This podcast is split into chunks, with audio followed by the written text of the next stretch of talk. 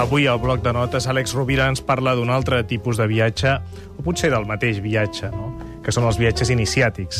Què tal, Àlex? Molt bona nit, ben Molt bona retrobat. nit, Gaspar. Molt bona nit. I que bonics que són els viatges iniciàtics i que bonics són els contes de la tradició, els contes de saviesa, que ens parlen d'un viatge on la persona surt de la seva terra, del seu, del seu lloc on viu, buscant un tresor, i que al llarg del viatge es perd, passa per moltes crisis, pateix moltíssim, es retroba a si mateix moltes vegades i, curiosament, se n'adona quan torna a casa seva, no? que roda el món i torna al Born, que té el tresor allà on era ell, però que no n'era conscient d'aquest tresor. No? Quina metàfora més maca del procés de reconeixement de la pròpia ànima, del procés, del procés de realització, en definitiva, oi?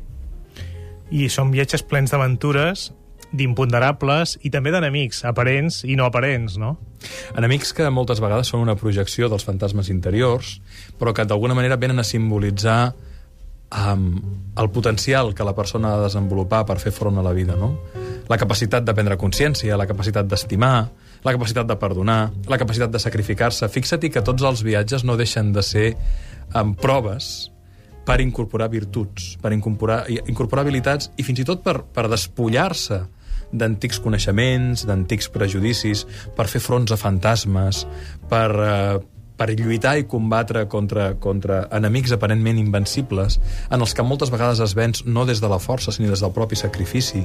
És tota una lectura molt subjectiva, molt metafòrica, i probablement crec que tots portem encara en aquests arquetips del nostre inconscient col·lectiu la necessitat de fer un viatge perquè sabem que si el viatge no és un viatge organitzat en un paquet turístic, sinó que té una mica d'aventura, podem anar parant territoris de la nostra pròpia ànima que no hi aniríem en condicions normals i rutinàries, no? Estic pensant en el llibre Els set poders. Eh?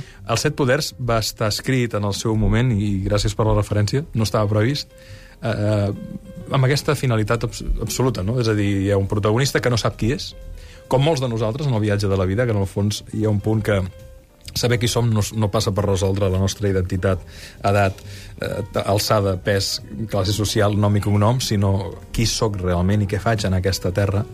I el protagonista, efectivament, no sap qui és i ha de fer un viatge on, on ha d'enfrontar moltes adversitats i moltes dificultats per trobar la seva ànima que en aquest cas queda simbolitzada per la figura de la seva parella, però que no deixa de ser també una metàfora de la integració de la seva part masculina, la seva part femenina la seva part masculina per la seva realització, no? I ha de matar molts dracs, no? Els dracs que són el símbol de la por, però que estan molt vinculats també al símbol de l'unicorn, que és la llibertat. No? Per tant, tota la simbologia que hi ha en els contes de la tradició, en els contes iniciàtics d'un viatge, ens parlen d'un viatge, en definitiva, interior per redescobrir la nostra essència, la nostra identitat i el que hem vingut a fer al món. No? I en el món actual són possibles aquests viatges iniciàtics? Sempre, però més no cal anar-se'n molt lluny, eh?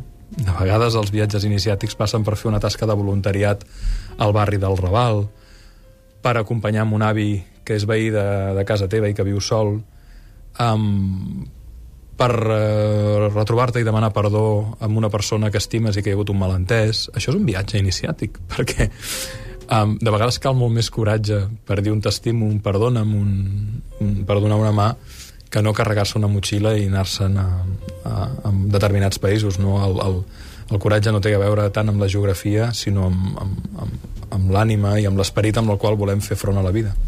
El bloc de notes, com cada divendres a l'Ofici de Viure amb Àlex Rovira. Àlex, moltíssimes gràcies. A tu, com sempre.